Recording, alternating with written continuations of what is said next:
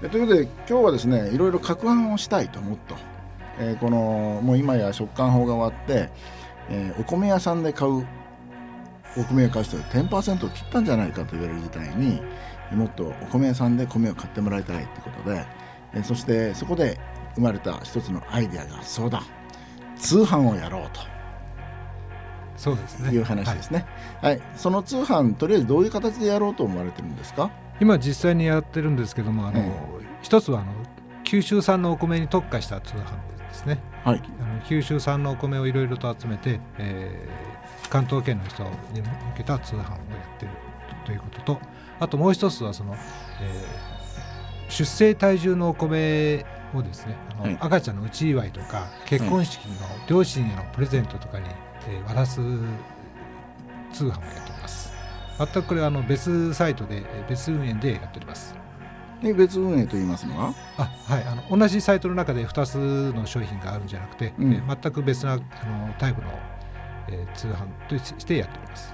あということはですね、はい、今こうネット中心にやられてるってことですね。そうですね。ネット中心でこう九州産のものは一つのサイトがありますよ。はい、で体重、えっと、お祝いのお米は、はい、えー、これまた一つ祝いの、はい、お祝いのサイトですね。はい。でどっちも力を入れたいということですね。はい、えーと、このリストはどこから集めるんですか？リストという送り要するにお客様ですね。見込み客が。そうですね。今やってるのがあのうち祝いの方はあのリスティング広告の方で、はい、えー、ちょっと力を入れてやっております、はい、あと玄米サイトの方は、えー、うん、まあ、SEO 的なものですね、あのまあ、九州のお米屋米屋が届ける九州産のお米という形でやっております、はい、で順調ですそうです。なかなかアクセス数が増えないのと、うん、まああのコンバージョンは結構高い方じゃないかというふうに先生の方からアドバイスいただいてるんですけども、うん、そのうち祝いの方がちょっとまだ弱くてですね、お祝いサイトの方がまだあのこれといった、えー、欲しいと思わせるような工夫が足りないんじゃないかというふうに厳しいお声もいただいております。アクセス数は増えてる。そうです。若干、まあ、リスティング広告にしてしだして、うん、あの少し増えております。わ、うん、かりました。ところで通販といいますとやはり後々のですね、えー後々のうちはまず集客のためのリスティングにしろ、まあ、SEO の場合だったらそんなにお金かけるのに自分でやるんであればですね、はい、大丈夫ですがリスティングだったらかなり広告費用がかかると思うんですがそうですね、ね、そしてまたそこで制約したとしてその後に継続して買ってもらうリピートしてもらうということに関してはまたこれが遠くのお客様ですからご案内をしていかなきゃ買ってくれないと思うんですよ。はい、その辺のあのぶっちゃけ原価とか大丈夫ですか？そうですね、まあ、利益率的には、えーまあ、言っていいんですかね、まあ、言わなくていいです。えー、あのまあ、通常よりも通常米を売る売りは高めにそりゃそうですよね、はい、お米屋さんは大体利益率がもうかなり低いです。ですね、はい、で通販通常ですね。大体3割とか4割、まあ、4割ちょっと高いんです3割ぐらいの原価に抑えなきゃいけないと言われてますが、ね、まあ、それを話を聞いてそれまだやろうと思われます？はい、それでも、まあはい、やりたいと思います。ほとんど米から育てるみたいな世界になっちゃうんですよね。それ、ね、まあ大丈夫ってことですね。はい、で、もうでも方向性決まってるじゃないですか。そうですね。まだあのただ、えー、そうですね。まあ大体決まってるんですけども、ええ、まだうちうち祝いの方がなんとなくまだブレがあってですね。じゃあ今日はうち祝いの話でいいですか？そうですね。お,、お祝いギフトの方で特化して。はい、お祝いギフトですがじゃあこのお祝いギフト、はい、一言で言うとどのような商品なんでしょうか？一言で言うと？あえっ、ー、とまるまるでまるまるな商品みたいな感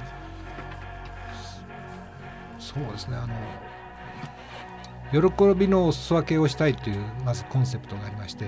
えっ、ー、とこれ喜びのお裾分け、ね、のお手伝いをしたいというのお裾分けのお手伝いですね。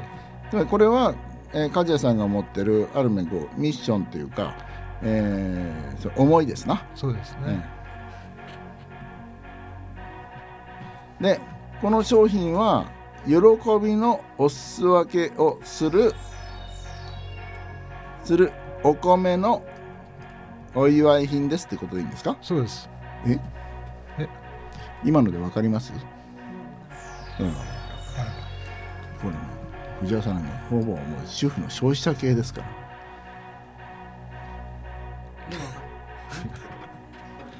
ね。もうちょっとシンプルに分かりやすく、ええ、これがどのようなあ内祝いの要するに内祝いの生まれました、はい、体重は何グラムで生まれました。それでその大きさ要するにまるで我が子をあこの赤ちゃんを抱いたような感覚の重なるような重さが送られてくるんですね。そうですね。生まれた時の体重のお米が、はい、あの送られて3キロぐらい。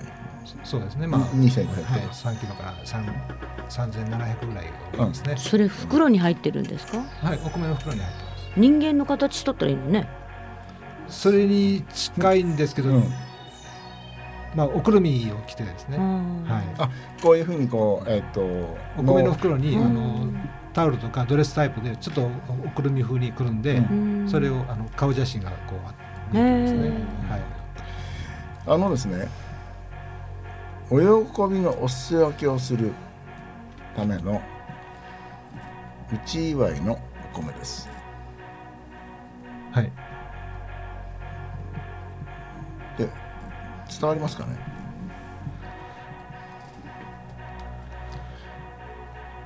多分ですねえっと梶さんの場合は非常にこう志とかですね、えー、思いがですね強い経営者だと思うんですよ。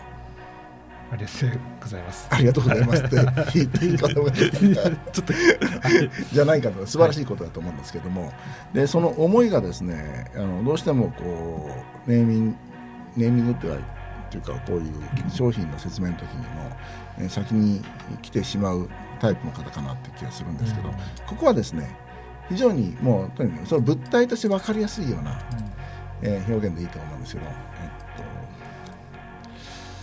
えー、どういうのがいいですかね。〇〇で作った〇〇のための〇〇です。とかどうでしょう。お米。お米でできた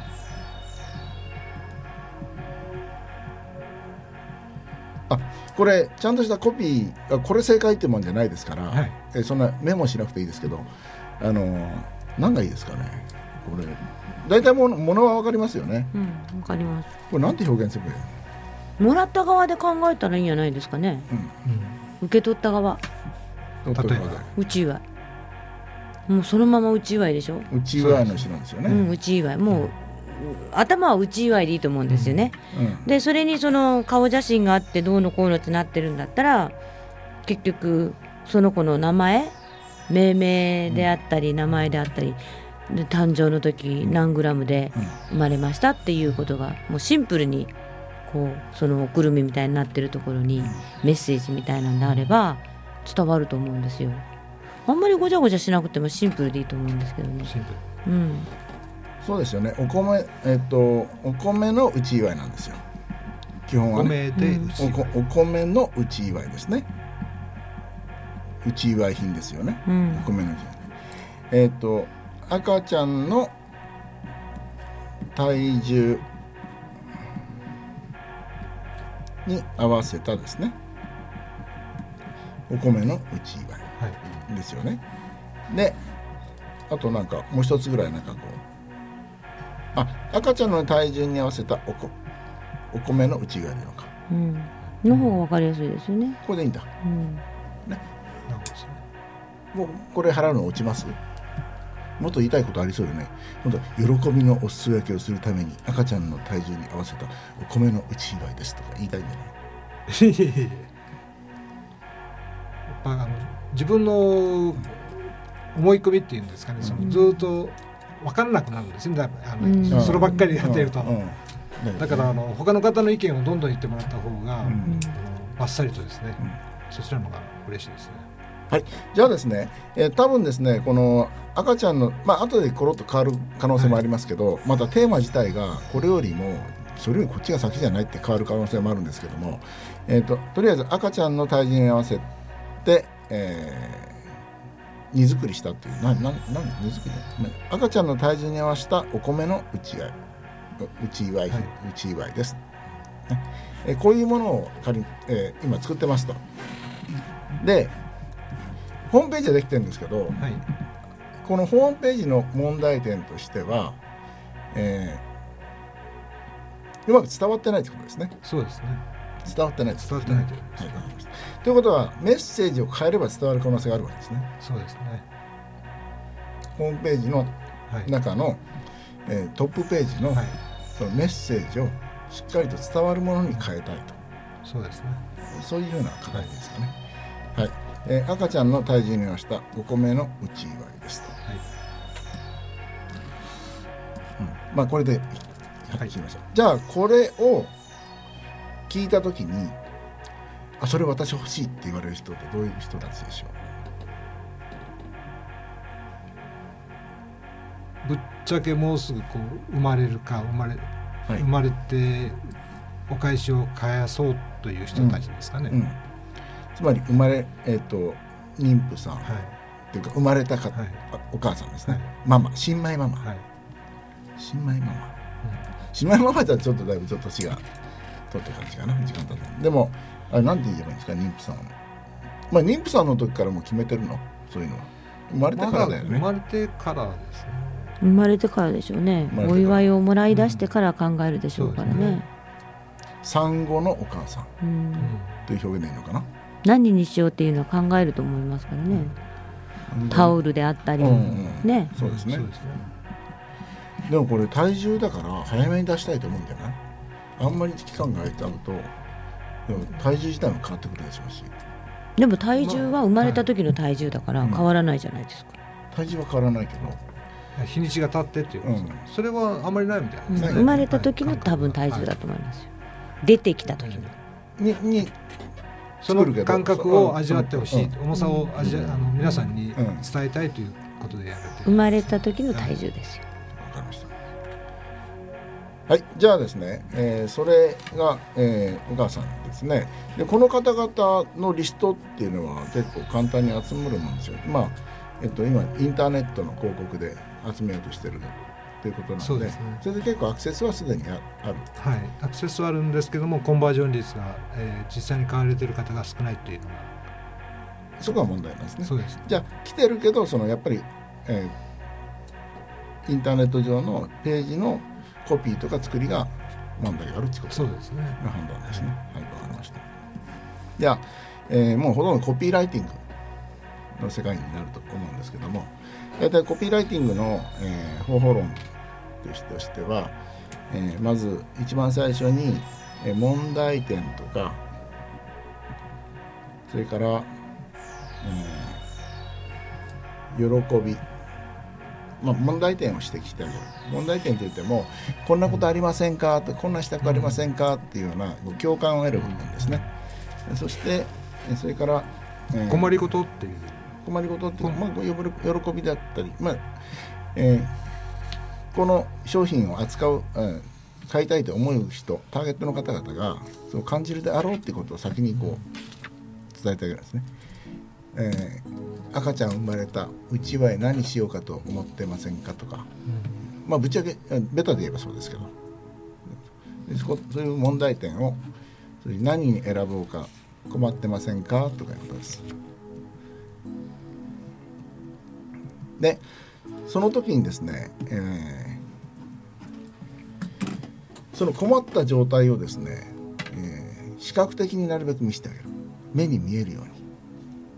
あるいは問題点を絞り込んであげて焦点化って言いますけど絞り込んであげて、えー、こういうところに困ってませんかみたいなのを刺激してあげます。そこをまあ、えー、炙りたてとか言うんですアジテーション。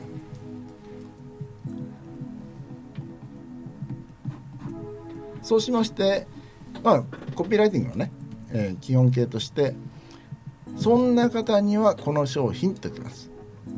これは流れとして解決策ですね。解決策がきます。さあこの次は何を送ればいいでしょう？この次ですか、うん、解決策の次。喜びの声喜びの声。あそれお客様の声ですね、ね、お客様の声ね。つまりそれはですね解決策この商品つまりこのお米はそういう、えー、内側何をしようかなっていう方に今とってもいいものがありますよ。それがこの内側の米ですっていう話なんです。でこれを使えばそのお悩みは解決しますよ。と一発で。でその証拠はって話なんですね。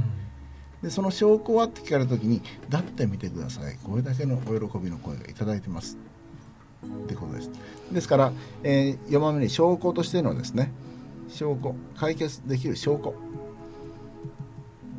を持ってきます。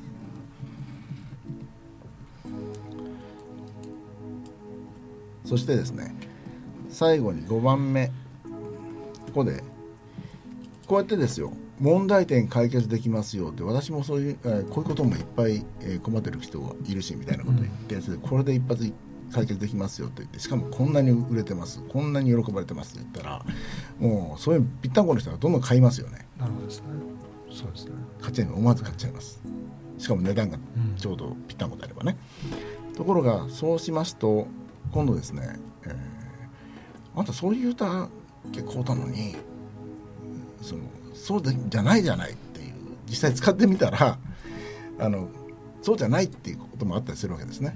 で私の思いと違ってたってお客さんが。それを防ぐためにですね絞り込みってなります。絞り込み、うん、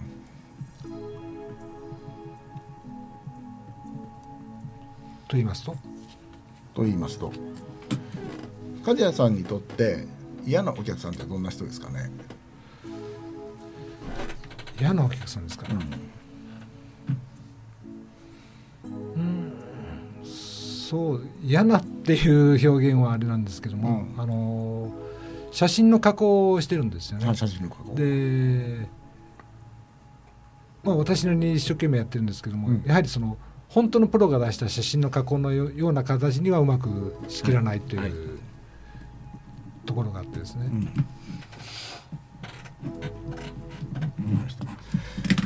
あのー、もしかしたらこの写真の加工って写真を実際にホームページに載せてたりもするんですかね？そうですね。あのお客様が、えー、許可を得れば、うん、あのお客様の声として作品として出してますけど。も、はい。はい、あのー、もしかしたら大きな要素かもしれないですね。この写真このお米にこの写真。これはいいねと思われる方とそれとあこの写真程度やったらちょっと辛いなみたいなのもあるかもしれない。逆にそれを見てですね私で作れるかも。お米をお米屋さんに行って、何キログラムずつに分けて詰めてもらえますかって言ってタオル巻いてみたいなことになっちゃう可能性もあるんですよね。まあそれの手間がもちろんかからないということはいいことでもあるんですけどで写真は結構大きな要素かもしれませんがだったらですねここでもう正直に写真がある面上手じゃない、はい、本格的ではないっていうことであればですねこう言ってはどうでしょう、えー、ただし全て私が思いを込めて手作りしております。ので写真がプロではの仕上がりとは違う場合違います。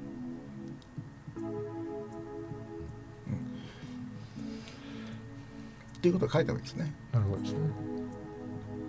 でもしつけたい写真のある方は方はお送りくださいでもいいですし、うん、それから別途料金で本、まあ、プロがですね遠くにいたらなかなか撮影できませんけどきませんけどね近くの方だったらね、えー、普段そういったこのマイナスの面は隠そう隠そうと、まあ、隠そうとまでしませんが、はい、あんまりオープンにはしようとは思いませんよね、はい、それをあえて、えー、できないものはできないという書くということですか？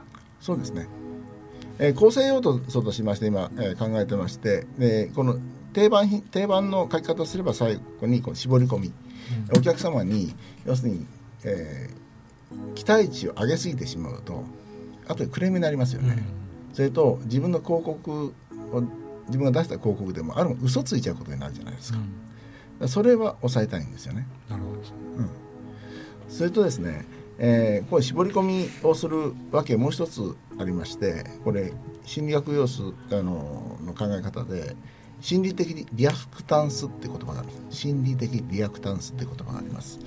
これはですね、えー、自分が欲しいと思っててずっとこの文章を読み進んでいた時に最後に「え私ダメなの?」みたいなのを与えられます文章を絞り込まれちゃうと私ダメなのって思うと余計にすぐに書いたくなるっていう。そういったものなんですか？バーゲンセールですね、バーゲンに行った時にダーッと来まして「あったあったやった見つけた」とまた横から手が来てパッと取られたら「それ欲しかったのに」って「ねもうないの?」みたいな話ですね。うん、だから、えここで、えー、絞り込み。そして、えー、ただしですね全て手作りを行っていますので、えー、作るのに限界がございますと。いうようなことを書かれて、えー、だから1日何個しかできませんとか限定数いくらですとかいうことを付け加えると、うん、えー、購買心理欲が高まってきます。必要以上に背伸びしないというか、えー、そうです。できることだけをきっちりと歌っていく、はい、ということですね。はい、はい。えー、ということでですねあの今回のこのご相談はですね要するにホームページの、えー、ページトップページのコピーをしっかり作るんでその作ってそしてこの各要素お客様の声を載せる部分とかそれから、えー、もっとこういうお店でが集、ま、あ扱ってくる証拠の部分ですね。えこういうお店ですからご安心くださいとか。それから私どものか、えー、店は何年創業何年でこういうふうな歴史がありますとか個性を出すとかそういうコンテンツですね、えこの辺をしっかりと、え作り込んでいけば、えー、アップするんじゃないかという感じがするんですけども、そういうふうな、まあ、ホームページのページの、えコピーの作り方載せるべきコンテンツの作り方っていうことで改めて整理してそういうことでいいですかね。はい、はい、じゃあここで